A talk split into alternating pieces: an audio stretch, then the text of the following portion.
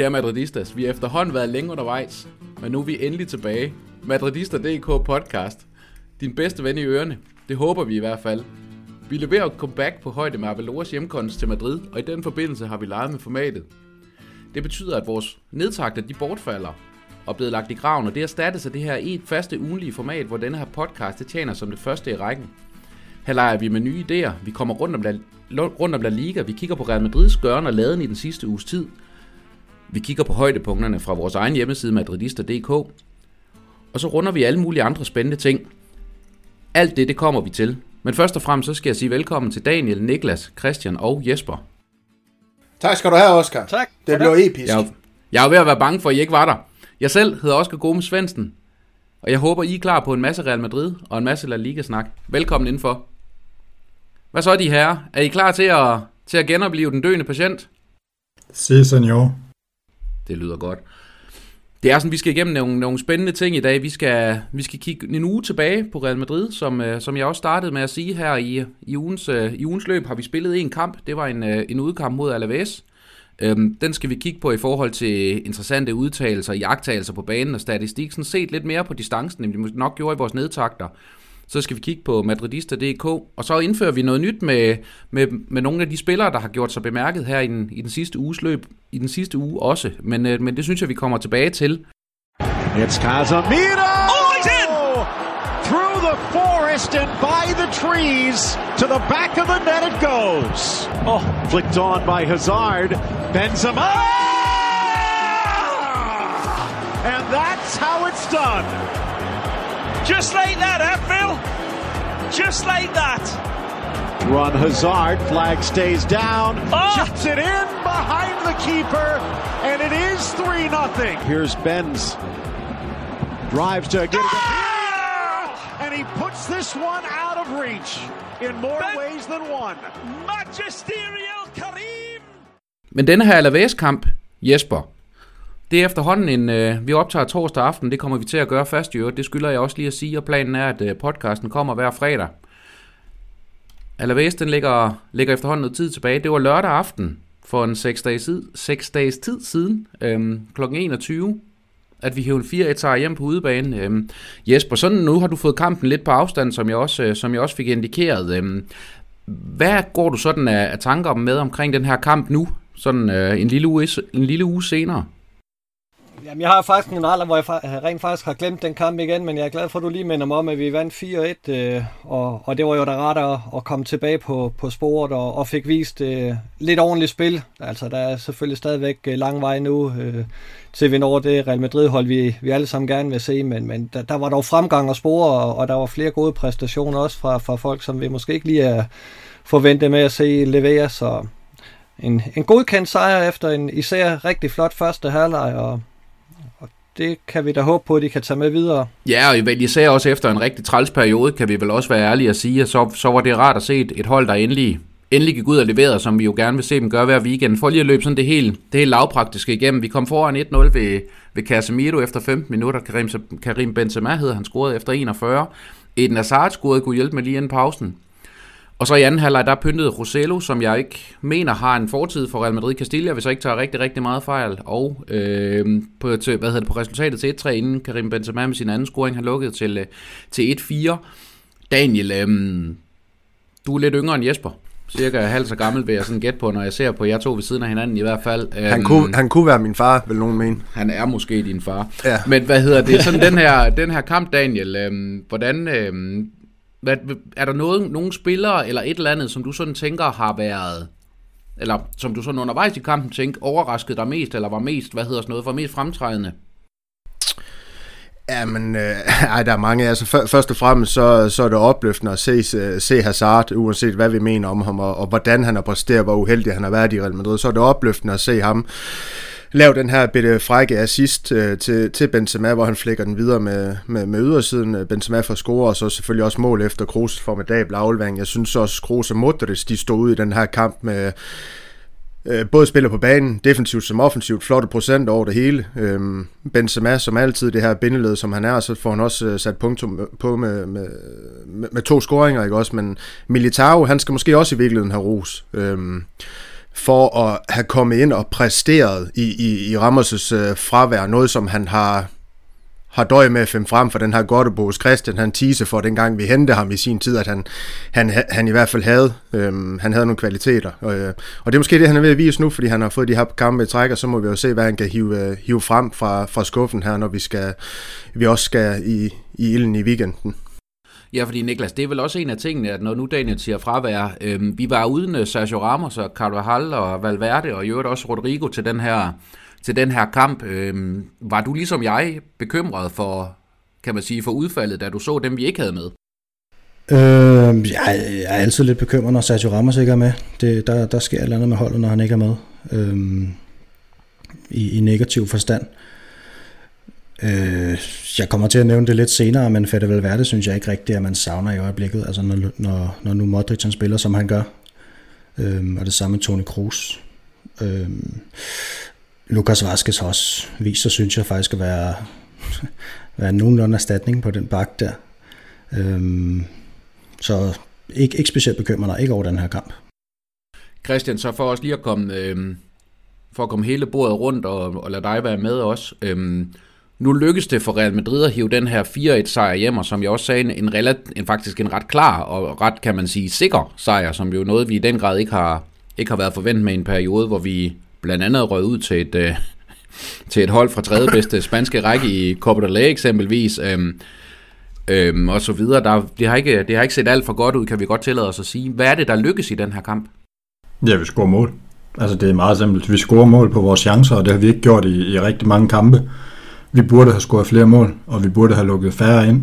Modstanderne har været effektive imod os, så vi har ikke været særlig effektive. Øhm, og så, øh, så giver mål selvtillid. Det er jo det, vi ser, da vi ser Hazard lægge den videre, øh, når vi ser Benzema sparke den ind til sidst. Altså, det er, jo, det er jo nemmere at spille fodbold, når man har selvtillid, og når man fører 2-3-0, men i rigtig mange andre kampe, der har vi jo været i problemer, og man kan sige, jamen altså score eller vest på deres store chance, jeg mener det efter syv minutter, jamen så bliver det her bare i nu en kamp af, er de dårlige, og det er den store forskel på Real Madrid og Atletico Madrid lige nu, det er, at Atletico Madrid, de kommer bagud mod Valencia, og så trumler de bare videre, for de tror på deres koncept, de tror på deres spillere, og så vinder de 3-1 Real Madrid lige nu. Hvis de kommer bagud, så er det lige meget, om det er mod et øh, 3. divisionshold, et 4. divisionshold, eller øh, Døllefjælde Muse, så, øh, så går det galt, fordi man ikke har selvtilliden. Og den kræver en 3, 4, 5, 6, 7 sejre at tanke op, og derfor er det vigtigt med en enkelt. Nogle supplerende bemærkninger fra, fra resten af panelet? Nej, men jeg skal da heller ikke tvinge det ud af jer. Sådan skal det da ikke være. Men, øh, men hvad hedder det, Jesper? Øh, du får du ikke lov til, til at slippe helt alligevel. Øh, altså, Christian har jo ret i, at, at der er ting, der lykkes for os, som, som kan man sige, ja, der, der er ikke ting, der ikke plejer at lykkes. Øhm, men, øh, men Jesper, det er vel også et spørgsmål om, at, at vi måske faktisk, og det så vi også i efteråret, hvor vi var inde i en krise, måske også har nogle spillere, der godt ved, at nu, nu, nu er vi også der, hvor de måske faktisk ikke kan komme ud med en lallende attitude for kampstart. Har det noget at sige? Ja, det, det har det da helt sikkert. Altså, øh, når, når, når de virkelig skal tage sig sammen, så, så er der nogle, nogle spillere på hold, som, som går ind og tager det ansvar. Øh, og der må man jo igen se en spiller som Modric. Øh, altså, man kan jo ikke se, at han er blevet 35 år. Øh, han, han er stadigvæk en af verdens absolut bedste midtbanespillere, kunne glide direkte ind i startopstillingen på langt de fleste hold i Europa. Øh, det, er jo, det er jo fænomenalt, hvad, hvad han render og foretager sig i, i øjeblikket, og det er jo en af grundene til, at, at vi trods alt rejser os igen, at det er, at vi har spillere som, som ham. Lige præcis. Niklas, det er ikke noget at gøre med, at vi havde valgt at skifte ud på trænerposten? Nej, ikke den her gang. Det, det tænker jeg ikke. jeg tænker stadig, at Zidane han får den kredit, han skal have for den her. Selvom han også gjorde det godt på Tony. Ja, der, der vil jeg gerne lige indskyde, det gør han i hvert fald ikke på vores, øh, ja, til tider savlige forum. Så får du smidt samtlige fire brugere under bussen der dagen, det synes jeg var flot. Men, men altså, at det er jo selvfølgelig altså, med til historien til dem, der, der har glemt det, er der jo selvfølgelig det her med, at, at Zidane han er jo testet positiv for, for coronavirus, og, og heller ikke er med i, i lørdagens udkamp mod, mod Uesca, hvis jeg ikke tager, eller hjemmekamp er det mod Uesca, hvis jeg ikke tager meget fejl, Christian. Og jo, men det ville jo være en faktor, hvis vi havde med en assistent at gøre, som, som tegnede et andet billede, som, som var uenig med Zidane. Øh, altså, de to har kendt hinanden så mange år, at, at det Zidane gør, det er lige så meget det Betoni gør, og omvendt. Så derfor så er det lidt, øh, der er det lidt misvisende, når man begynder at, at rose den ene frem for den anden, fordi det er lige så meget Betonis skyld, at vi er i krise, som det er Zidanes skyld. Altså de, de to, de hænger sammen. Øh, og det så vi jo også med telefonopkald helt tydeligt, og, og også når man har læst øh, udtalelser efter og sådan noget. Der er jo ikke noget, der er jo ikke noget fremhæven sig selv. Øhm, så, så der er jo, de er jo et team, og, og derfor så er det heller ikke det, der har gjort forskellen i det her opgør på nogen måder. Og så er det hjemme mod Levante, og ikke uh, Wesker. Tre point i hvert fald, så da. Det er det. Nå, Daniel, du vil også sige noget? Ja, men det var bare lige for at udfordre uh, Jespers tese om, at, uh, Øh, at de her gave spillere, de slår til nu, når de skal. Altså, vi, er, vi er trods alt, vi kan potentielt øh, komme til at hænge 10 point efter Atletico Madrid, så så det er i hvert fald ikke i løbet af hele sæsonen, man kan sige, at de har været der, når de skulle være der. Der har også været kampe, hvor et, selvom at man kan kalde dem finaler, eller hvad man nu kan, hvor de simpelthen ikke har stået til de her gave spillere, det synes jeg sådan på sæsonen, ikke på kampen mod Alaves, men på sæsonen, man kan kritisere dem rigtig, rigtig meget for, at de ikke har været der. Ja, det er, jo, det er jo rigtigt, at, at der er også stadigvæk mange øh, kamper, hvor der er udfald, men, men vi så jo blandt andet, øh, hvad hedder det, de kampe, hvor vi skulle vinde mod, mod Gladbach og Sevilla Atletico Madrid, der går de ud og, og henter ni point i, i de tre kampe. Og her, hvor, hvor man skal rejse efter en elendig uge, hvor man mister potentielt øh, to pokaler, øh, der, der går de også ud og rejser sig og viser, at, at der trods alt er lidt kvalitet i dem. Nu har vi jo så den her luk- luksus i at vi optager de her seks dage efter slutfløjt. Øhm, og jeg ved også, at, at en af de ting, vi også har kigget lidt på, det er, om der har været nogle, kan man sige, udtalelser i, i kampens kølvand øhm, på, hvad hedder det, øhm, på, kan man sige, på den her 4-1-sejr i, i Baskerlandet over, over Alaves. Jeg ved ikke, om der er en af jer, der var lov til at lægge for med, øh, med nogle øh, kommentarer, for eksempelvis Betonis, som, øh, som jo selvfølgelig var ham, der talte med, med pressen efter kampen, eller det kan også være, være spillere, der har været ude og, været ude og ytre sig et eller andet efterfølgende. Ja, men øh, jeg, jeg synes, det var, det var meget øh, påfaldende, som, som de gjorde et stort nummer af, at Hazard var, var tilbage og, og tæt på at være i topform. Øh, altså, man, man forstår virkelig vigtigheden af at få, få ham tilbage til, i den form, som han var i, i Chelsea, og, og med de kvaliteter, han viste der, fordi det kommer det her Real Madrids holds øh, kvaliteter til at afhænge en hel del af vores chancer for at vinde noget. Det er at få en spiller som Hazard i gang, fordi der, der skal noget mere uforudsigelighed til, øh, end, end det, at de øvrige spillere kan præstere. Så, så det vil være rigtig vigtigt, hvis han med halvanden års forsinkelse for, kommer i gang nu. Ja, man tror jo næsten ikke på, når man hører sådan noget. det, det, det, skal, Nej, det, det skal også med i ligningen. Men, men ellers så, så har det gennemgående for spillerne jo været det her med, at, øh, at, øh, at de i hvert fald har været ude og bedyre, at man, man, man ikke giver op, man kaster ikke håndklæde i ringen, det har de alle været ude at sige efter kampen. Øh, jeg tror, Modric, Casemiro og Benzema, altså de, de kaster ikke håndklæde i ringen, som, som også nogle fans har været ude at sige, at det burde man, og så sats 100% på Champions League, hvor at, øh, ja, man også har sin opgave for imod eksempelvis Atalanta her øh, i, i næste runde, ikke også, men øh, de kæmper videre i Liga og tror på det, øh, så længe det er matematisk muligt, og det er da også øh, dejligt at høre trods alt. Men, men man kan også sige, altså, og det er jo rigtigt, men, men er det ikke også naturligt, Christian, at det også er Hazard, man ligesom lægger fokus på, for det er også ham, der om ikke andet har fået, med, har fået tilpas mange stokkebryl fra, fra spansk presse eksempelvis for sine præstationer, eller mangel på samme?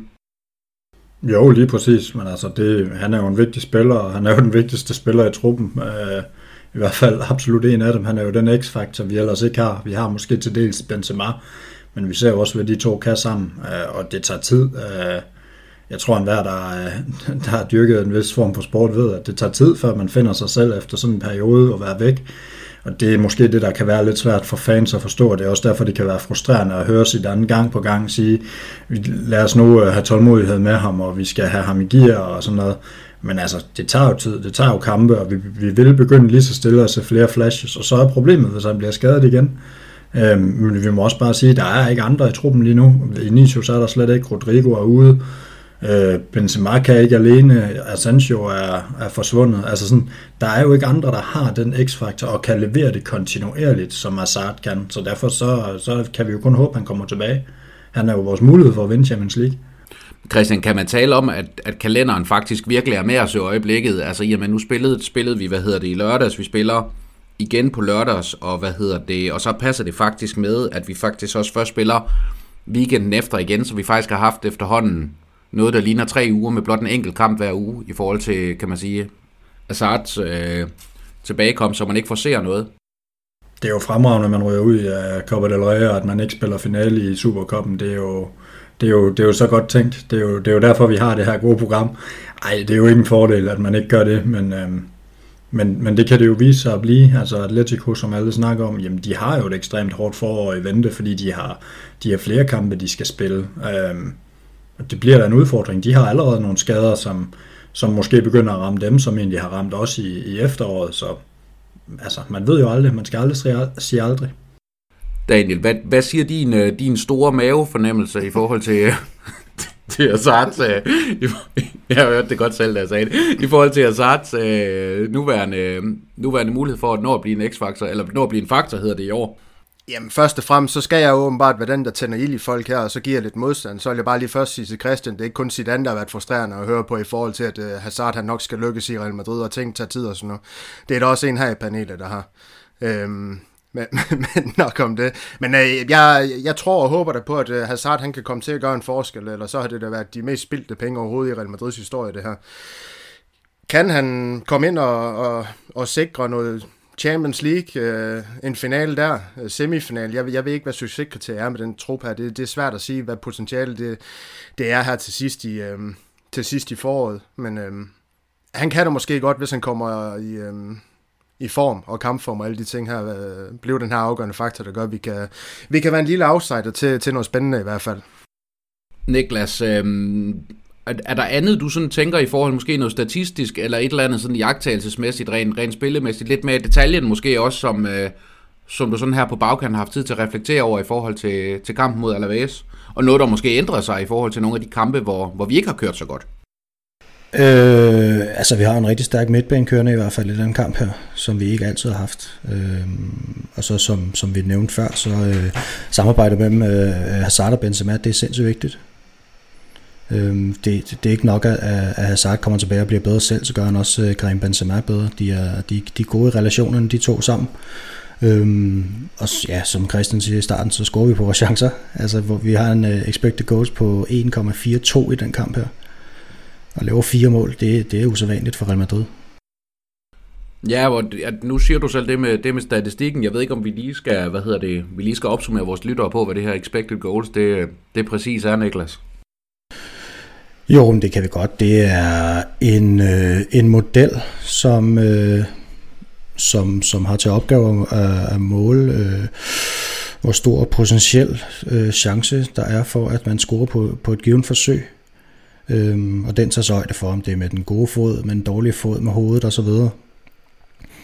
Øhm, ja, og så, så jo større chancen er, jo, jo højere XG-værdi har den så. Og jeg mener, at straffespark ligger på 0,78, øh, som, som er noget af det største, man kan komme op på. Øh, jeg kan sige, at Hazards mål lå på 0,37 for eksempel, selvom det ligner en forholdsvis stor chance.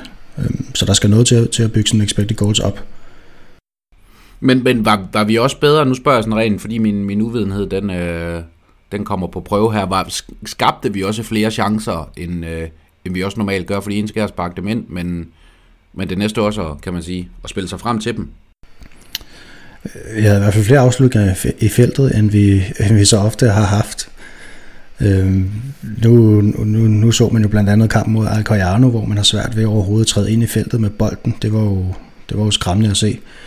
Øhm, og i den her kamp har vi, nu skal jeg se, 1, 2, 3, 4, 5, 6, 7 afslutninger inde i feltet alene. Så, så det er da en slags fremgang i hvert fald. Og det har nok noget at gøre med, at Eden Hazard han er måske lidt mere bevægelig, end han tidligere har været, nu hvor han har spillet seks kampe i træk. Ja, i øvrigt også, uh, undskyld jeg afbryder Niklas, i øvrigt også bare lige for, nu snakker vi meget af Sartre og Benzema Jesper, men, uh, men Asensio var jo sidste mand i, i offensiven, uh, og man kan vel også lige så vel tale om, om hans tilbagekomst, eller hans, uh, kan man sige, kurve, om den så går den ene eller den anden vej, lige så vel som man kan med Hazard. Uh, Asensio, han er, Asensio, han er blevet sådan en, som ikke rigtigt får forløst det der potentiale. Hvad, hvad så du fra ham, måske mod Alaves, men hvad har du også set fra ham sådan generelt i løbet af i år, Jesper? Ja, men han, han mangler jo lidt, altså når, når han kommer ind og, og får afslut, kan man jo godt se, at han, han stadigvæk er, er, er god til det, men, men han, han mangler lidt i, i sin dribling og i de udfordringer, han laver øh, stadigvæk, øh, men, men det, det virker til, at øh, Zidane øh, gerne vil køre med, med ham sammen med Hazard og Benzema, det er de tre foretrukne i front, så, så ham håber jeg da også, at vi, at vi får at se, men, men man skal heller ikke glemme, at øh, den skade, han var ude med, den, den var altså alvorlig, og det, det tager noget tid øh, at komme så helt over den. Øh, så Daniel. Ja, så skal vi heller ikke glemme, at uh, Cavaral han var ude i kampen. Det betyder jo, at en, uh, en vis Lukas Vaskes, han skulle ned og dække den her højre bak. Når Cavaral er klar, øh, er det så Lukas Vaskes, der kommer op og spiller højre kanten, i stedet for måske Asensio. Altså, vi skal ikke underkende det her med, at øh, Vaskes han har spillet, er det 20 kampe i træk nu? Den mest øh, brugte spiller. Øh, ja, i skrivende stund i Real Madrids trup, og det, det siger jo hjemme væk også lidt. Øh, at Zidane han stoler på ham for det første, så kan vi mene, øh, hvad vi vil om ham og hans kvaliteter, men øh, der bliver stolt på ham fra Zidanes side, og, og jeg er da ikke helt overbevist om, at Asensio han nødvendigvis, selvom pressen prædiker det, får pladsen op på højre kanten, når, når alle mand er klar. Men øh, for, for nu at lave en, øh, en ting, eller Jespers briller, og så køre en, øh, køre en smule glidende overgang, øh, så har vi aftalt, at, at vi udover at kigge på, på den seneste uge med Real Madrid, så kigger vi også på den seneste uge på Madridista.dk med, øh, med hvad der ligesom er sket, og hvad der har, hvad der har rørt sig der. Øh, og I har hver især sendt en, øh, en nyhed til mig, Øhm, og jeg tror ikke, I nødvendigvis er klar over, hvad I andre har, har sendt, men Jesper, øhm, vil du ikke have lov til at præsentere dine nyheder og fortælle lidt om, hvorfor du har, øh, hvorfor du har sendt den? Jo, det vil jeg gerne. Øh, jeg fandt nyheden om, at øh, Florentino Perez har besluttet sig for, at, at hvis Zidane skal, skal udskiftes, så bliver det med Julian Nagelsmann øh, fra RB Leipzig. Og, og det synes jeg var meget skægt, at, at vi som klub er glade for at have unge spillere siddende på bænk. Nu vil vi også have en ung træner derude at sidde. Øhm, det sagt, så, så er det jo en, en spændende Øh, et, et spændende trænertalent, at de har gået ned det i, i Tyskland, og der venter ham givetvis en, en rigtig spændende karriere. Det er jo ikke første gang, at, Real Madrid er, viser interesse for ham. Øh, det, det gjorde man, mens han var i, i Hoffenheim, og der, der mente han, at livsspringen ville, ville blive for stort, men, men, men han har fortsat øh, med at lave rigtig gode resultater i, i Leipzig. Øh, øh, især i Champions League synes jeg, at det er imponerende, hvad han har præsteret med holdet. Øh, så så det, det, er en, det er en spændende tanke, at, at øh, man kunne finde på at gå efter sådan en mand. Øh, og jeg, jeg, jeg kan godt et eller andet sted måske være lidt, øh, lidt bekymret for om, om, om han, han stadig er for ung, og om han knækker halsen, fordi at komme til Real Madrid, det er bare et gigantisk pres. Øh, spiller du uafgjort det en gang, jamen, så har du kritikken hængende over dig, og, og, og kan han svare for sig og, og styre pressen, som, som Zidane kan, det, det kan jeg måske øh, være lidt i tvivl om, men, men jeg synes, det er spændende, at, at man, man kigger ud af, og ikke bare kigger ned på, på Castilla-mandskabet, for at se, hvad man har gående af træner der. Ikke noget undsagt om Raul, men, men jeg synes, det, det er fint, at man, man kigger ud i Europa og, og ser, hvad der er af træneremner derude. Der er Nagelsmann en af, at man skal holde øje med, om det skal være til sommer eller, eller senere. Det, det må tiden vise, men, men han kan godt blive en, en træner, vi på et tidspunkt ser i, i Real Madrid. Daniel, hvad tænker du om, om Julian Nagelsmann? Jamen, jeg tænker mange ting. jeg tænker øh, først og fremmest, at han selvfølgelig er rigtig hype, og, og det er han jo, fordi at uh, Leipzig, de spiller det her ja, offensiv uh, øh, overfaldsfodbold, som vi i virkeligheden godt kan kalde det. Det de også uh, spillede i sidste sæsons uh, Champions League-kampagne. Jeg havde held med det. Lidt ala Atalanta. Um, så kan man jo spørge, hvor, hvor meget taktisk kløgt han har, og, og hvad bundlinjen siger. Altså, jeg synes jo ikke, det... Jeg tror, det var sidste sæson, der scorede de 81 mål i, i ligaen. Selvfølgelig flere end vi gjorde. Jeg mener, det var 11 mere end Real Madrid i sidste sæson, men de spiller også 12 kampe uafgjort. Jesper han har lige været inde på, hvis du spiller bare én kamp uafgjort i Real Madrid, jamen, så har du, øh, så har du pressen på nakken. Ikke? Øh, 12 kampe i tysk fodbold. Det, det er måske lige overkanten. Øh, jeg synes, der er mange, jeg synes, der er mange spørgsmålstegn, og jeg kunne godt, måske, hvis jeg skulle være rigtig hård, finde på at drage lidt paralleller til, André Villas-Boas, hvis, Villas Boas, hvis I kan huske ham, der poppede frem som den her trold af en æske i portugisisk fodbold i 10-11 sæsonen hvor han førte øh, Porto til mesterskabet. Jeg tror, det var 20 point. Øh, han, han, han vandt det med der, der, dernede, hvor han havde Falcao og, og Hult til at, til at score målene for sig i angrebet. Ikke? Også, øhm, han drog så til Chelsea efterfølgende, fejlede. Derefter Tottenham, der fejlede han også. Og så har han så været forbi noget russisk fodbold og, og, og kinesisk fodbold. Og, og så tror jeg godt, Jesper han ved, hvor han er nu. Han er i Marseille! Det er han nemlig. jeg, jeg, sig, jeg, jeg siger ikke det samme. Det sker for Nagelsmann, hvis at hans øh, næste destination, det er Real Madrid. Men jeg kan stadig godt frygte, at Real Madrid, det er en lidt for stor hylde lige nu for Nagelsmann. Det kan godt være, at han skal forbi noget andet inden. Øhm, deres sprogbarriere. Øhm, så har jeg hørt nogen sige, at han, han er ved i gang med at lære spansk. I don't know, om det er rigtigt. det har jeg ikke været hørt ham, eller hørt ham sige, eller noget som helst, men øh, der, der er masser af spørgsmål. Jeg synes faktisk, der er flere spørgsmålstegn ved sådan en ansættelse, end der er svar.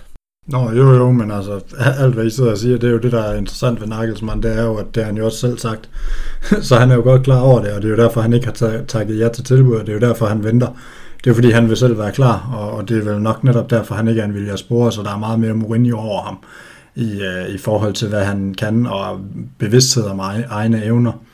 Øh, jeg synes, at han er interessant, men vi må også kigge på, at han har en kontrakt med Leipzig, der går i hvert fald to, hvis ikke tre år frem i tiden og de kommer ikke til at slippe ham, og han kommer ikke til at slippe, så, så han er ikke den næste Real Madrid-træner, han er måske den næste igen, øhm, og derfor så synes jeg måske heller ikke, at det er, det, det, det er der helt store øh, grund til at diskutere ham. Det er mere interessant det her med, at, at det faktisk øh, har været op og vende på ledelsesgangene med, i Real Madrid. Øhm, og Butragenio afviser det jo heller ikke i et interview efter, efter Alaves-kampen, så, så det synes jeg i virkeligheden er den store nyhed i det her.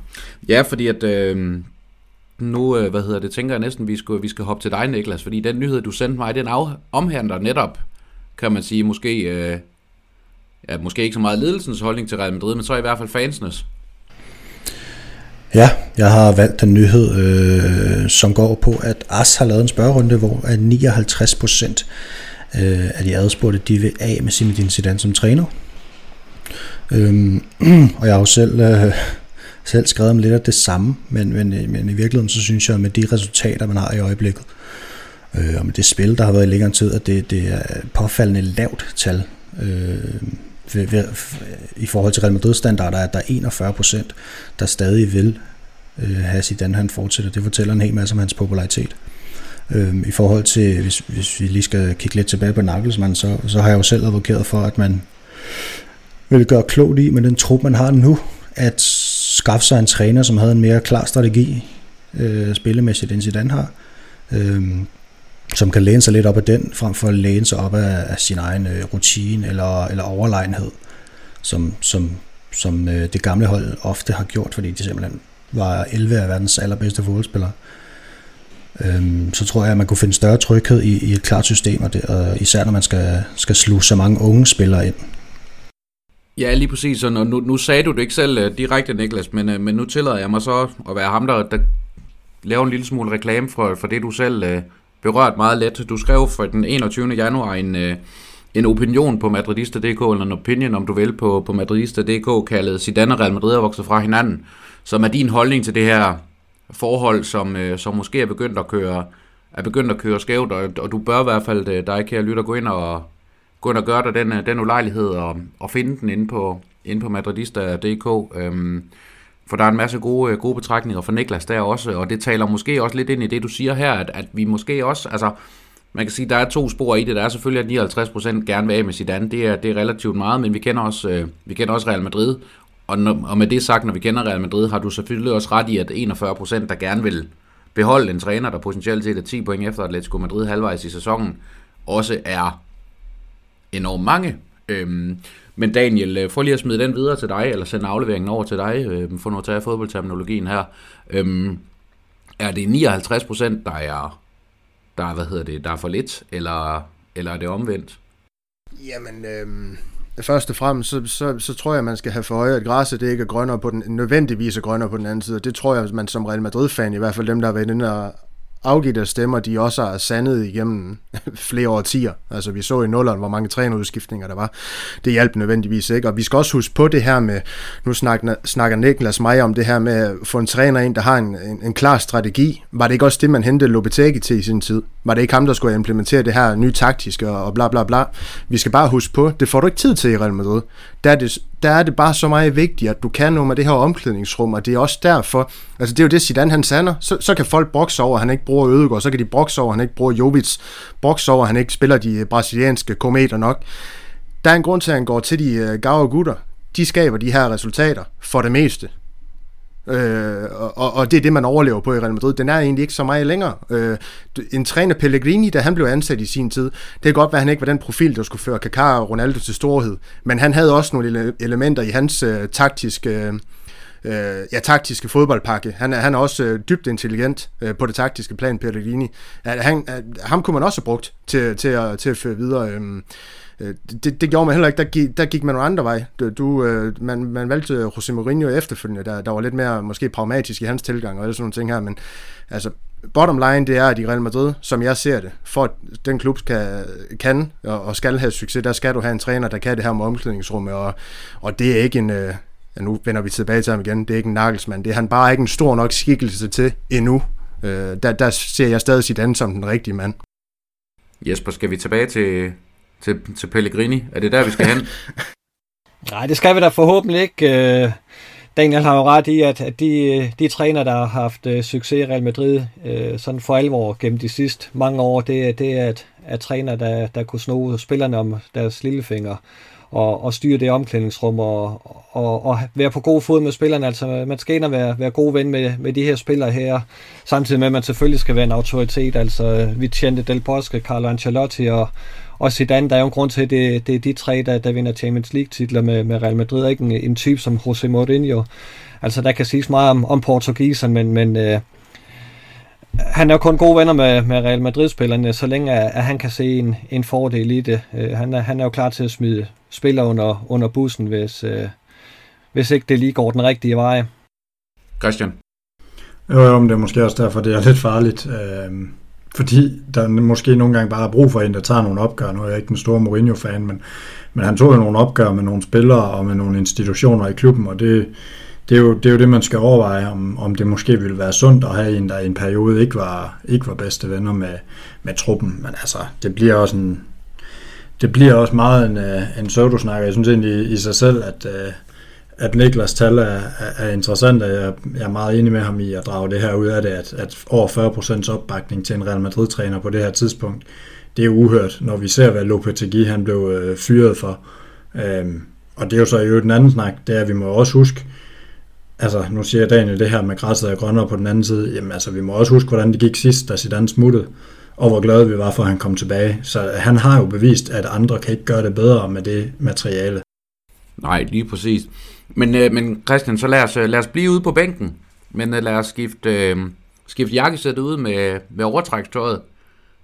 Du har sendt mig nyheder, der omhandler en, øh, en spiller, vi har, vi har sagt farvel til her i, her i ugens løb. Ja, en nordmand. Ja. Ja, lige præcis. Og øh, den nyhed, den handler om, at øh, Ødegaard, han, øh, han ringede og snakkede lidt med Ceballos, inden han skiftede til Arsenal i ugens løb. Og øh, det var egentlig overhovedet ikke det, jeg gad snakke om, men det er egentlig godt vil frem til med det, det var, at, øh, at spillere de snakker sammen. Fordi Holland har også været ude og sige i ugens løb, at øh, det var galt med Ødegaard og hvad der foregik i, i Madrid. Og det kan vi jo ikke tage fejl af. Det betyder, at Holland han bliver svær, svær at hente nu, fordi vi ikke har behandlet Ødegaard ordentligt. Øhm, og det samme gælder jo mange af de andre spillere. Jeg er da sikker på, at Hazard han også snakker med andre spillere lige nu, og det er da ikke sikkert, at han lige frem lokker folk til med den behandling, han føler, han har fået af fansene, som han har givet udtryk for. Øhm, det skal vi både som fans nogle gange huske, når vi ikke støtter op, men vi skal i den grad som klub huske, at, at når man bare hælder folk ud med badevand, jamen så er det ikke bare den spiller, det er faktisk også dem spilleren omgiver sig med. I det her tilfælde, så er det altså øh, blandt andet en Holland, vi måske øh, mister muligheden for. Det kan man jo synes om, hvad man vil, men måske er det lidt pinligt, at vi ikke har gjort det bedre med, med Ødegaard. Jeg, jeg, må, jeg må bare sige sådan helt generelt i forhold til den her debat og, og snak, der er jeg med i den anden lejr, der, der hedder, at spillerne de skal også huske, hvad for en klub de kommer til. Øh, det, det, det går simpelthen begge veje her. Det er ikke, øh, det er ikke Real Sociedad, det er ikke Vitesse, det er ikke Herrenben, det er ikke, øh, det er ikke Chelsea. Øh, minibutklub i England der. Det er Real Madrid, man kommer til, og der, der er forventningerne, niveauet, forventningspresse, øh, pressen generelt, altså det hele det er bare så kæmpestort. Øh, man, man får ikke noget som helst færre. Så, så, Jesper han har været inde på det tusind gange. Det er nu ikke noget at være grædekone. Jeg siger ikke, at han har været ude at være grædekone, men han vælger trods alt at vil skifte. Han vælger ikke at tage kampen op for at få spilletid mod Kroos, øh, Ødegård, hvad ved jeg, Lukas Vaske, som han ikke engang kan slå af. Altså, så, så er der også tid til noget selvrensagelse, og så se ind af. Øhm, og hvis, hvis, man skal, hvis man skal til Arsenal for, for spilletid, så har man måske heller ikke kvaliteten til Real Madrid i sig selv. Det var overhovedet heller ikke der, jeg vil hen, at øh, jeg ikke kan følge den tankegang. Jeg siger bare, at, at faktum er, at de, de, de snakker sammen, og, øh, og Holland, han, øh, han rykkede ikke tættere på Real Madrid med Ødegaards udlejning. Der skete det modsatte. Det kan vi jo så øh, være enige eller uenige i, øh, og synes, at øh, folk er nok så meget grædekone over. Det, det kan jeg godt følge, men, men det er da en udfordring for Real Madrid som klub, og det var nok egentlig der, jeg gerne vil hen med, med de ting, der foregår lige nu. Hvis du er talent i verden, og du ser, hvad der foregår, så vælger du da ikke Real Madrid lige nu. Alle valgte Real Madrid for fem år siden, fordi man så en plan med talenter, og man så en udvikling, man så en Casemiro, der lige pludselig blomstrede, og, og Varane, der blomstrede under, under Zidane. Og nu, jamen, altså, du ser den ene flygt ud af bagdøren efter den anden. Det vælger du da ikke Real Madrid for, hvis du er top 10 talent i verden. Det må vi jo forholde os til. Og det, og, det, og, det gjorde, og det gjorde jeg jo netop også. Altså igen, det går begge veje. Så, så må Real Madrid se andre veje. Så, sådan har jeg det bare lidt. Niklas? Ja, det var også netop noget af det, jeg skrev om i min, øh, min artikel, at, at det virker som om, at, at Zidane han øh, går modsat klubben. Altså når, når vi har den her strategi med at øh, bare tage fejebakken og så bare gå hen over Brasilien og hente alle 18-årige at vi så har en træner, som nægter at bruge dem, det, øh, det er jo et kæmpe problem, og, og, og der var jeg netop også inde på det der med, at, at det kommer til at koste os en masse spillere i fremtiden, det her. At man henter den ene 17-18 år efter den anden, og så, altså, de udvikler sig overhovedet ikke, som de skal, fordi der er ikke, jeg ved ikke, om der ikke er tid til det, der bør være tid til det, Zidane han bør have den snor, han har åbenbart kæmpe lang snor, altså øh, Pettis han har været nede på knæ for ham, for at få ham tilbage igen. Øhm, så ja, jeg, jeg, jeg synes, det er farligt for klubben, det der sker lige nu. Det må jeg sige. Jeg tror, det kan skade, øh, skade klubben på lang sigt. Mange år i fremtiden. Og, og Jesper, den vil jeg faktisk godt lige sende videre til dig, fordi der er vel også det her spørgsmål i det, kan man sige. Altså, Zidane har brugt en af vores, øh, vores favoritter her på, her på podcasten, Isco, sådan relativt flittigt. Øh, og endda en del mere end Martin Ødegaard. Det er vel at gå, som Niklas siger, stik imod klubbens ønsker og strategi. Ja, det ved jeg ikke. Altså, Isco er jo en, en del af spillertruppen, øh, vant med, man kan lide at lege øh, på lige fod, som øh, Martin Ødegaard var. Øh, og og det, det er jo... Vi, vi har jo længe skrejet efter, at, at øh, træneren skulle have magt til at stille holdet. Nu gør han det, og vælger så Isco over Ødegård, så er det også galt. Altså, skal, skal træneren kun have magt, øh, når, når, når vi er enige med ham, eller, eller ansætter vi en træner for, at det er ham, der bestemmer, hvem der skal spille? Øhm, altså, jeg, jeg, jeg synes stadigvæk, øh, hvis jeg lige må holde Christian lidt op på det, han sagde, at øh, selvfølgelig betyder det noget, hvordan at, at vi behandler spillerne, men jeg er ikke til kun i tvivl om, at øh, kommer vi til, til sommer og, og, og snakker med, med Håland og, og præsenterer ham for et, et rigtig fint sportsligt projekt, som han kan se sig selv ind i, så kan vi godt overtale ham, så, så skal han nok glemme, øh, hvordan det går ødegår i, i, i Arsenal. Vi, vi har stadigvæk store tiltrækningskræfter. Vi kan godt uh, hente de store spillere, selvom uh, der sker nogle ting lige nu, som, som kan se lidt mærkelige ud. Christian, så for lige at, at slutte ringen og komme, komme tilbage til dig igen. Tror du, vi får, vi får Ødegaard se i Real Madrid igen? Ikke hvis vi har Zidane som træner. Det var, det var klar tale. Men øh, Daniel, så, øh, så mangler vi dig øh, og dine nyheder. Du har jo faktisk lavet sådan en hel øh, en, en, en, en trippel, er jeg ved at sige, en, med en nyheder, fordi du, du forstod som så mange gange før ikke opgaven. Ja. Men, øh, jeg, kan ikke begrænse men, men, men du har du har sendt mig en, en, øh, en hvad hedder det, nyhed fra Madridista.dk, der omhandler øh, giganttilbud til Ramos fra, fra Paris Saint-Germain. Øh, og så har du egentlig klogeligt nok, skal du også have øh, sagt, at den kan kombineres med nyheden om, at man ikke vil forlænge, eller ikke vil komme med flere kontraktudspil til, til Ramos og Lucas Vazquez. Plus nyheden om, at Real Madrid vil gerne strække sig langt for Varane. Øh, så enten så er det øh, rygtesmedende, som vi, øh, vi har en tendens til at citere, der er, der er helt galt afmarcheret, eller også så har klubben øh, forskellige strategier og, og Daniel, det kan du gøre os klogere på, hvad ja, der er og, og så, så er det jo faktisk øh, ekstra interessant lige at snakke om i dag, fordi El Pais i hvert fald øh, gengivet en hel gang på Twitter her til aften har, har, har været ude og, og, og skrive, at øh, Ramos han faktisk har præsenteret, da han præsenterede det her tilbud for Florentino Perez, der, der skulle Perez have, have sagt noget i stil med, med godt for dig, agtigt, som om at... Altså du, det tilbud om, at han havde en kontrakt for Paris? Ja, ja, ja, præcis, at han i princippet bare kan smutte. Øhm, og så er der også yderligere kommet ud fra El Pais også, at... Øhm, eller så var det noget spil, jeg kan ikke huske det, men, men at Real Madrid, de vil ikke stå i vejen for nogen som helst spillere i truppen, hvis at øhm, tilbudene, de er, de er store nok sådan helt generelt, øh, fordi at det vil sejler økonomisk. Men ja, altså det er interessant det her med, at man, man, man ikke vil... Øh, man ikke vil gå over sin, øh, den her ja, nye lønpolitik, man, man, man i virkeligheden har øh, på, på en eller anden måde. Øh, man vil ikke ofre lidt øh, flere lønkroner på at forlænge med, med, med den her legende, som han jo i virkeligheden er, Ramos, det er Lukas Vaskes selvfølgelig ikke, så han skal ikke med, med i sammenligning. Men omvendt, at, man så, at der så er en nyhed ud om, at man vil strække sig langt for Varane, det, det, det klasser jo på en eller anden måde lidt med hinanden, og det kan jo nødvendigvis heller ikke være noget, at uh, vores kaptajn han er, han er, han er tilfreds med at, med at læse, hvis at det er noget, han gør, eller i hvert fald får at vide fra sin, uh, fra sin ret så irriterende bror, René Ramos. Jesper, vil du sige noget? Ja, altså der, der er jo lidt forskel på, på, på Varane og, og hvad hedder det, Ramos situation. Altså Ramos har kontraktudløb til, til sommer, og det vil sige, at man, man har øh, fem måneder til at, at få en aftale med, med Ramos. Og det er jo ikke sikkert, at øh, med den her coronasituation, at Real Madrid rent faktisk har råd til at, at tilbyde ham en, en kontrakt, som han gerne vil have det. Øh, og, og derfor synes jeg, at det er helt fair, at Pette siger, øh, jamen hvis du har et bedre tilbud et andet sted fra og har lyst til det, jamen så står Real Madrid ikke i vejen for nogen. Det har vi aldrig gjort, og, og det gør vi heller ikke den her gang her. Øh, hvis, hvis Ramos virkelig gerne vil, vil til Paris og slutte øh, eventyret af der, så har han gjort det godt i Real Madrid, og så, så skal han forfølge den chance. Øh, med Varane, der er det lidt anderledes. Der har vi et år mere øh, til at, at få forhandlet den kontrakt på plads med ham, og der ser situationen økonomisk forhåbentlig bedre ud for Real Madrid, fordi det er det her coronaværk, som alene er skyld i, at Real Madrid er, hvor de er. Det har ikke noget med, med stadionbyggeri at gøre, eller noget som helst. Det er corona, og at vi ikke kan få tilskud på, på Bernabeu i øjeblikket. Det er det, der er skyld i, at, at vi hænger med røven i vandskorben, for at nu sige det på, på godt dansk. Så vi skal have tilskud tilbage på stadion, og så er der igen råd til, at vi kan kigge på kontrakter til spillerne. Men lige nu skal de lige være lidt med at, at huske, hvad Real Madrid har givet dem også.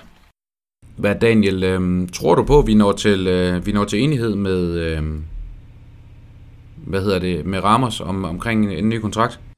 Nej, det gør jeg ikke. Jeg, jeg, tror, faktisk, jeg tror faktisk, spillet det i, i, i virkeligheden er kørt. Det, det virker som om, at han, han mener, han er, han er noget andet værd end Real Madrid. De kan tilbyde ham lige et PT, og så, så det virker lidt som om, at lønkronerne de er lidt vigtigere nu, og jeg ved ikke, om man kan sige, om man kan forstå det eller ej, men som Jesper han siger, vil han slutte af i Paris, fred være med det, han har gjort rigtig store ting for Real Madrid.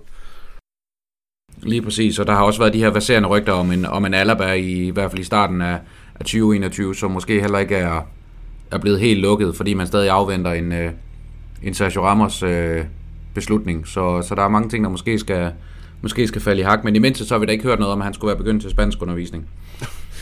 Apropos øh, spansk undervisning og Spanien helt generelt, så øh, har vi også lavet en aftale om, at vi skal kigge lidt på, på spansk fodbold i den seneste uge. Øhm, Jesper, du plejer at være ham, der er, der er bedst i panelet.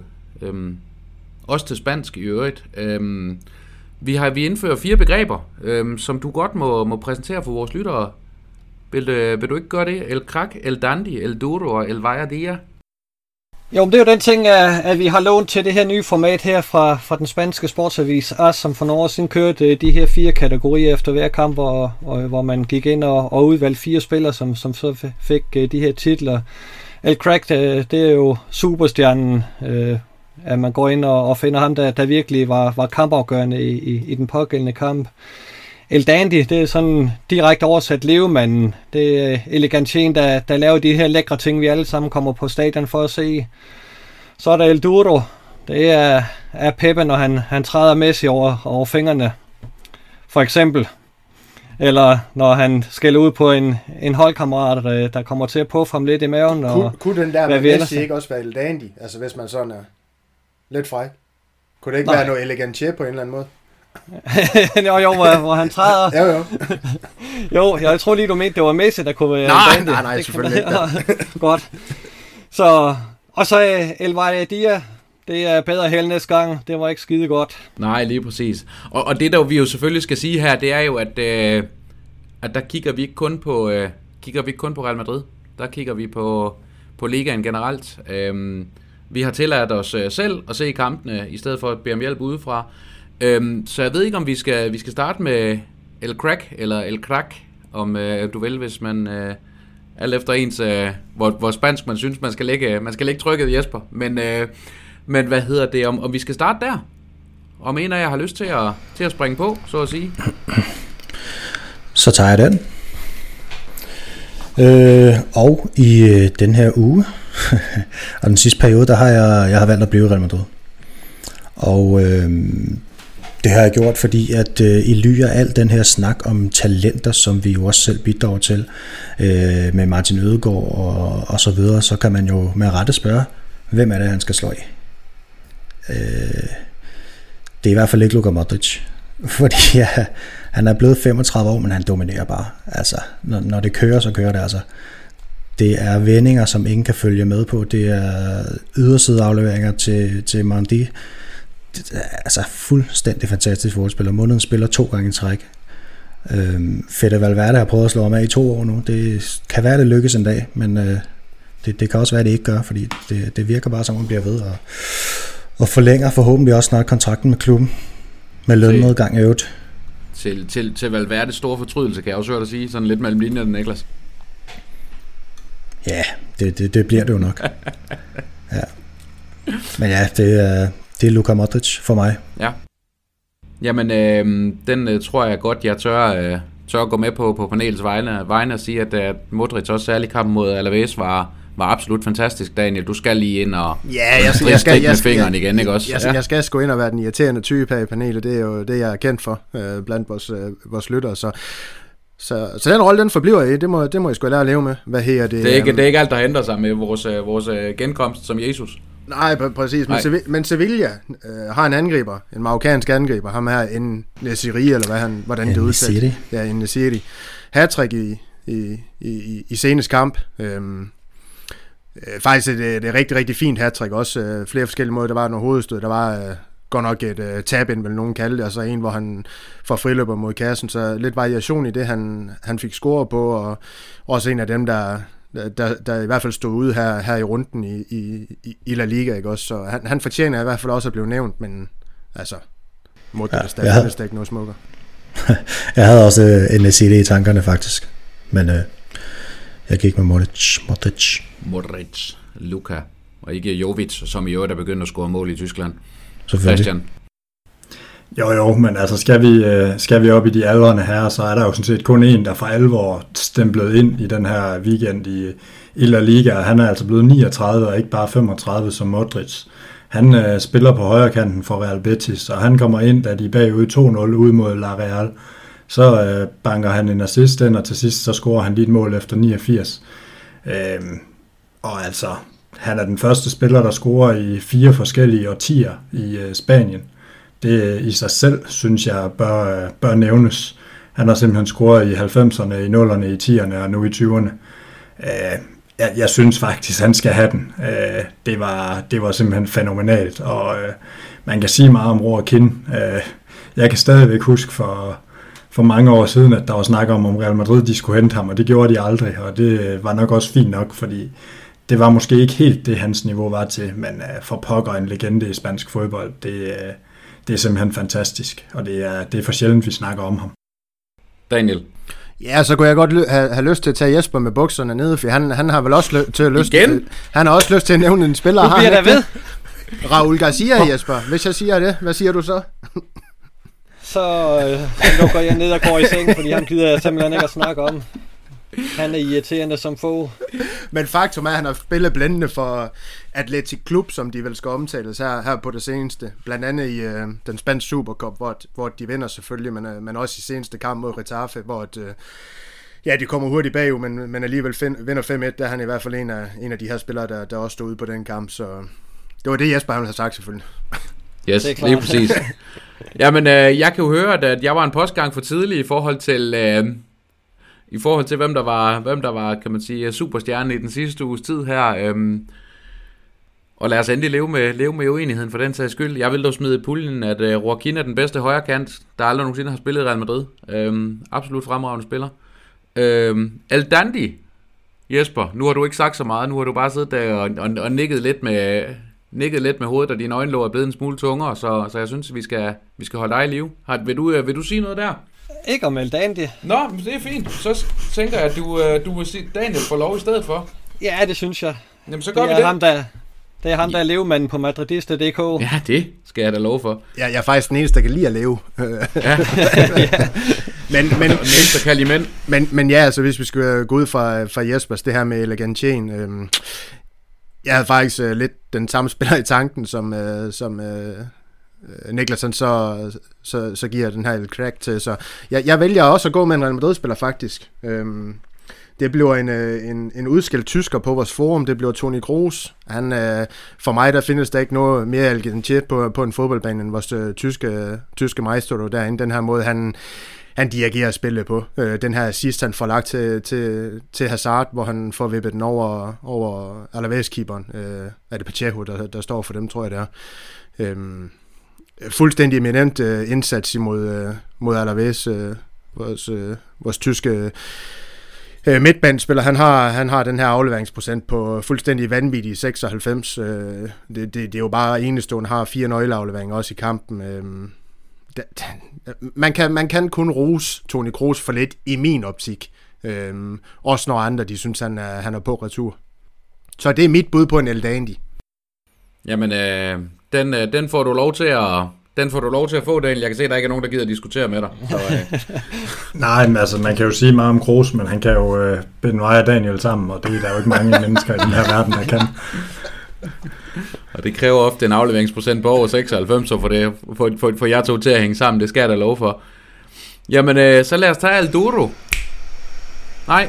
Jeg har lige et, øh, ja, det ved jeg ikke, om det er et modbud, men øh, i hvert fald en, en anbefaling øh, hvis man lige, øh, hvis man savner, ligesom mig, øh, savner øh, noget af de angreb, vi havde, da, da vi havde Lopetegi som træner, så kan man gå ind og se et, et dandimål af Sevilla. De scorer til 2-0, hvor at de øh, vælger at køre i to afleveringer ind i eget felt, og så lander han til sidst op i modstanderens felt til, til, til en scoring, og det er, altså, det er altså bare et virkelig godt mål. Så find det frem. Og endda mod Valencia, Jesper. Det er jo, øh, det er jo, der er jo dobbelt op på ekstra glasur og kransekage for, i, din, øh, i din bog der. Det er jo det, der gør mål smukt. Lopetegi og Valencia. Kan, ja. kan du få det bedre? Faktisk ikke. Nej, det tænkte jeg nok. Jamen, øh, så lad os øh, gå for noget lækkert til Alduro.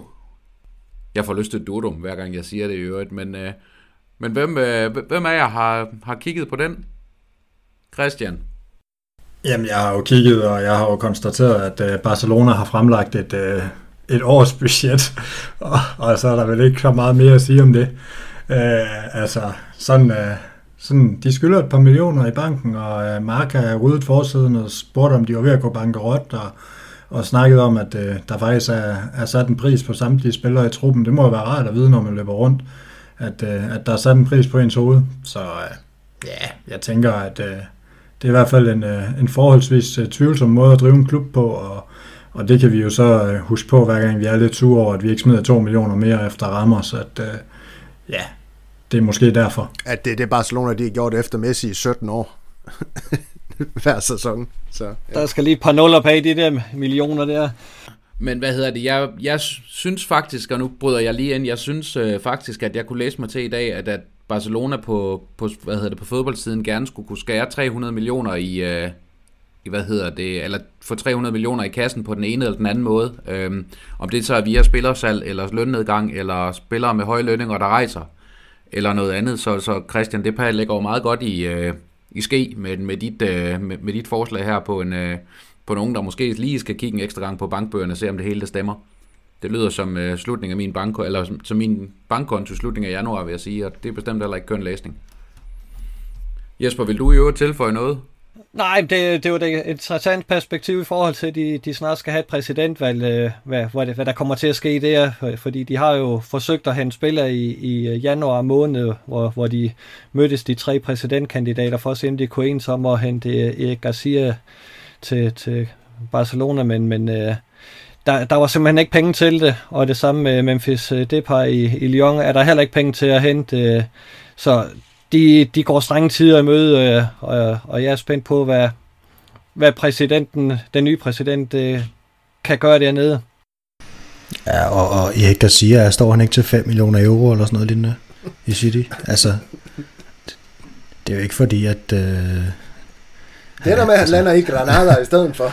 ja, ja, men det mente jeg at læse i dag, at han, han stod til omkring 5 millioner euro lige nu. Ja, men han har også kontrakt udløber til sommer, så han koster det det. ikke Han koster nok ikke to cifret, særligt ikke i det her marked. Så, men, men det er i hvert fald interessant, og særligt interessant med, med præsidenter, som lover, som de jo altid gør i de her, øh, i de her hvad hedder det, øh, præsidentvalgstider, så har de det med at love guld og grønne skove, men jeg er ikke helt klar over, hvor, hvor hverken guldet eller de grønne skove skal komme fra i øjeblikket. Så, øh, så der bliver noget, at, bliver noget at kigge på der i hvert fald også, som vi jo så kan, kan holde øje med på, holde øje med på afstand, og det er rart, det er andre end os, der det går helvede til for i, i den her sæson, så, så det er jo kun positivt. Elvira Dia, Yes, der er jo kun mig tilbage. Ja, det. Men det er jo, så har du allerede besvaret så, også, hvem det er, eller hvad? Det, ja, det, ja. det kan I som en bagefter måske. Men vi skal faktisk have fat i vores norske jente Martin Ødegaard. Fordi øh, det han, øh, skråstrej, hun lavede i den uge her med at, at forlade Real Madrid efter et halvt år, det er, det er for tyndt. Altså, man må godt som talent lige have lidt større tålmodighed med at, at slå igennem på, på Real Madrids første hold, end, end det han har vist. Øh, han kommer til, til Real Madrid i september måned i, i en periode, hvor han er skadet. Og derudover har han i, i perioden frem til nu haft endnu en skadesperiode, plus han har været ude øh, med, med corona. Så, så der har været, været pauser, eller afbrud i, i, i den fremgang, han skulle have haft. Øh, så, så måske er det ikke helt rimeligt, at, øh, at Zidane nu skal stå som skurken, der, der slagter endnu et talent. Fordi øh, en ting er at gøre det godt i, i en klub som Real Sociedad, det har han bestemt gjort, men det gjorde Iarremendi og Odriozola også øh, i sin tid, og, og de havde også øh, voldsomme problemer i Real Madrid, og Martin Ødegaard vidste jo godt, da han kom til, til Real Madrid, at, at han skulle ind og, og kæmpe for, for den her plads, øh, fordi Luka Modric øh, stod foran, og, og han har jo bestemt ikke spillet sig af. Så jeg synes, det havde klædt Martin Ødegaard at, og tage arbejdstøjet på og give den en skalle på træningsbanen, øh, og, og så vide, at øh, han trods alt har, har mange år øh, at tilbage af sin karriere. Jeg kan godt øh, frygte, at øh, det var det sidste, vi så til Martin Ødegaard, at der, der ligger nogle, nogle penge, og, at vi kan hente på ham, fordi jeg har svært ved at se ham vende tilbage. Daniel, du lignede en, der vil sige noget. Ja, jeg vil bare lige sige tak, for, tak til Jesper for den uh, enorme opbakning, da jeg sagde nogenlunde det samme tidligere. Tak Jesper. Godt, du kunne få sagt det nu. det var det, jeg fik ideen, da du sagde det. Jamen, uh... Jamen så, uh, så er alt godt, kan jeg høre. Jamen, uh, skal vi ikke uh, sige, at vi kommer omkring... Uh den spanske liga på, på rigtig fin fasong og fik snakket uh, et par andalusiske klubber og lidt økonomi, der ikke rigtig hang sammen, og selvfølgelig også en masse Real Madrid. Nu skal vi til et af de, øh, de mere skæve segmenter, kan vi vist godt tillade os at sige noget, vi har valgt at kalde, øh, kalde ugens boksekamp med undertitlen Ugens Gravesen versus Ugens Rubinho. Øhm, her skal vi selvfølgelig tilbage til, til tierne, må det være. Det passer ikke, ah, tierne. Nullerne. Ja, jeg var lige en, øh, et, et, 10 for langt frem, det er ikke sådan at komme op i årene. Øhm, med en episode på træningsbanen, hvor, hvor Gravesen han øh, så sig kan man sige, en, en lille smule vred Olm på den, øh, på den magre brasilianer, og vist øh, fik fortalt ham både, øh, både med ord og handling, at øh, hvem det var, der, der bestemte der. Øh, det har vi valgt at overføre lidt i podcast fasong, hvor vi har givet, øh, eller jeg har givet to af herren her et, et emne, som, øh, som de skal argumentere for, kontra øh, selvfølgelig, at den øh, modparten har et, øh, er blevet bedt om at have den, den modsatte rettede holdning. Øh, de har hver især et minut.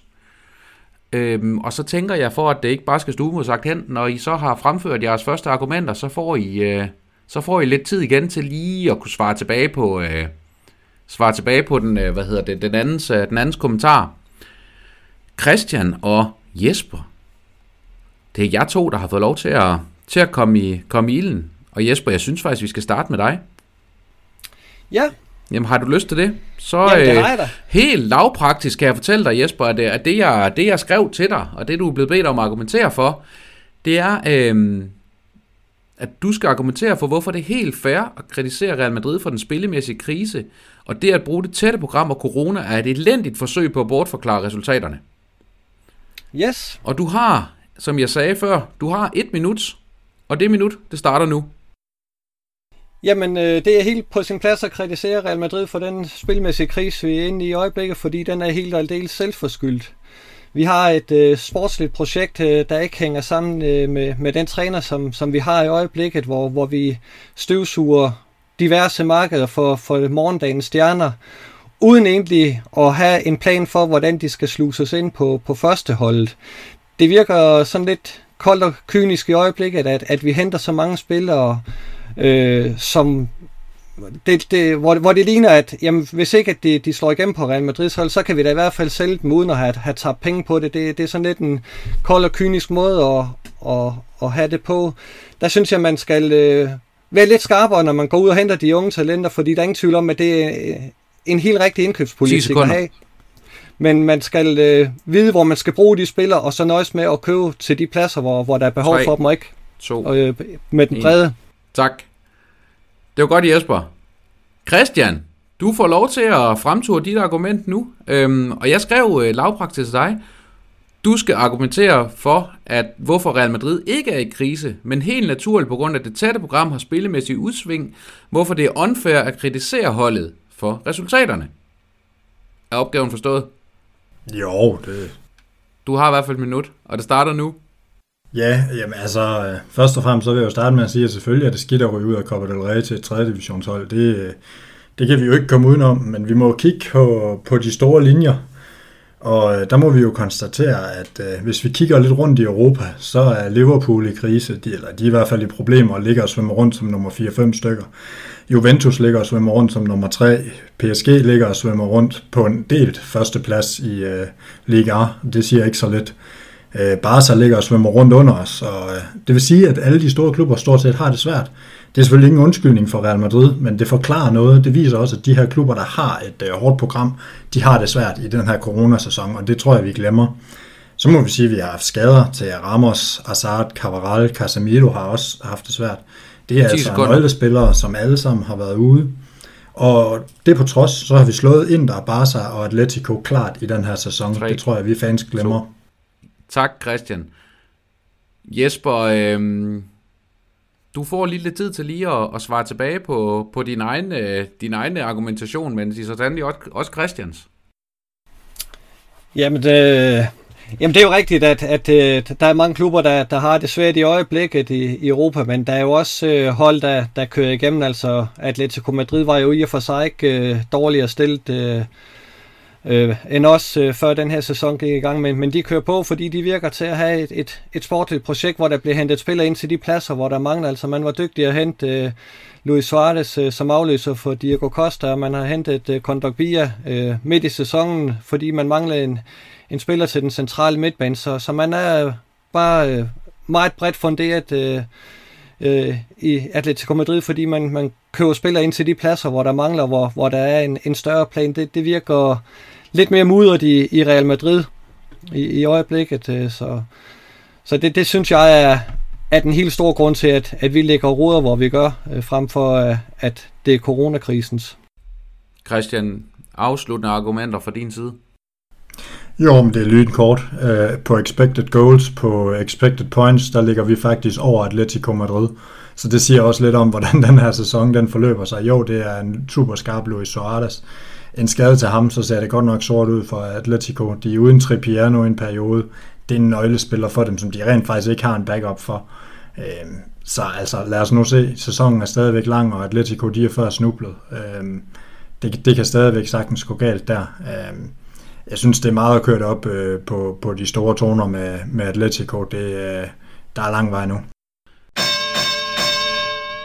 Kære lytter, øh, nu er det jo sådan, at vi har besluttet os for her i panelet, at der har vi ikke tænkt os, at vi sådan decideret vil kåre en, øh, vil kåre en vinder, men, øh, men jeg er sikker på, at vi finder en, en platform, eksempelvis øh, Twitter eller Facebook, hvor vi, øh, vi lægger det ud til afstemning, hvor I får lov til at, til at beslutte, hvem er, hvem er herrene, Christian og Jesper her, der er, der er henholdsvis Gravesen og Rubinho. Men ellers, øh, de fire, vi er også ved at nå til, nå til vejs ende i podcasten her. Øhm, det har selvfølgelig også været lidt en, øh, lidt en jomfru-rejse for os at prøve det her nye format og prøve at kaste nogle ting ind. Øhm, og vi vil selvfølgelig også gerne høre fra, høre fra jer derude øh, på den anden side af, af mikrofonerne og højtalerne, hvad I, øh, hvad I har oplevet og hvordan det har, hvordan det har været for jer at være med til at, til at sidde her i, øh, i vores lille studie. Så det må I meget gerne dele, øh, hvor end I, øh, I ser nyheder omkring øh, denne her nye Madridista.dk podcast. Øh, den ugenlige podcast, der udkommer hver, hver fredag og bliver optaget hver torsdag. Øhm, Så det vil vi meget gerne have, have at vide. Så prøver vi at, at rette lidt ind og lytte til alle de gode indspark, der også kommer fra jeres side. Og så bliver det også sådan fremadrettet, at det kan være, at nogle af tingene fra i dag falder ud og bliver erstattet af nogle andre. Så vi leger stadig lidt, som jeg også lavede ud med at sige, med, med formatet. Men øh, Jesper, Niklas, Christian og Daniel, det har været en fornøjelse. Det har været fedt at komme omkring nogle, nogle nye ting og snakke nogle, nogle nye La Liga-emner og nye Real Madrid-emner og få lidt, øh, lidt skæve, øh, skæve vinkler. Ikke mindst høre jeres, øh, jeres diskussioner med hinanden. Det har, det har været savnet. Det er godt at være retur. Ala Madrid. I nada más. Der er kraft med noget, der aldrig ændrer sig.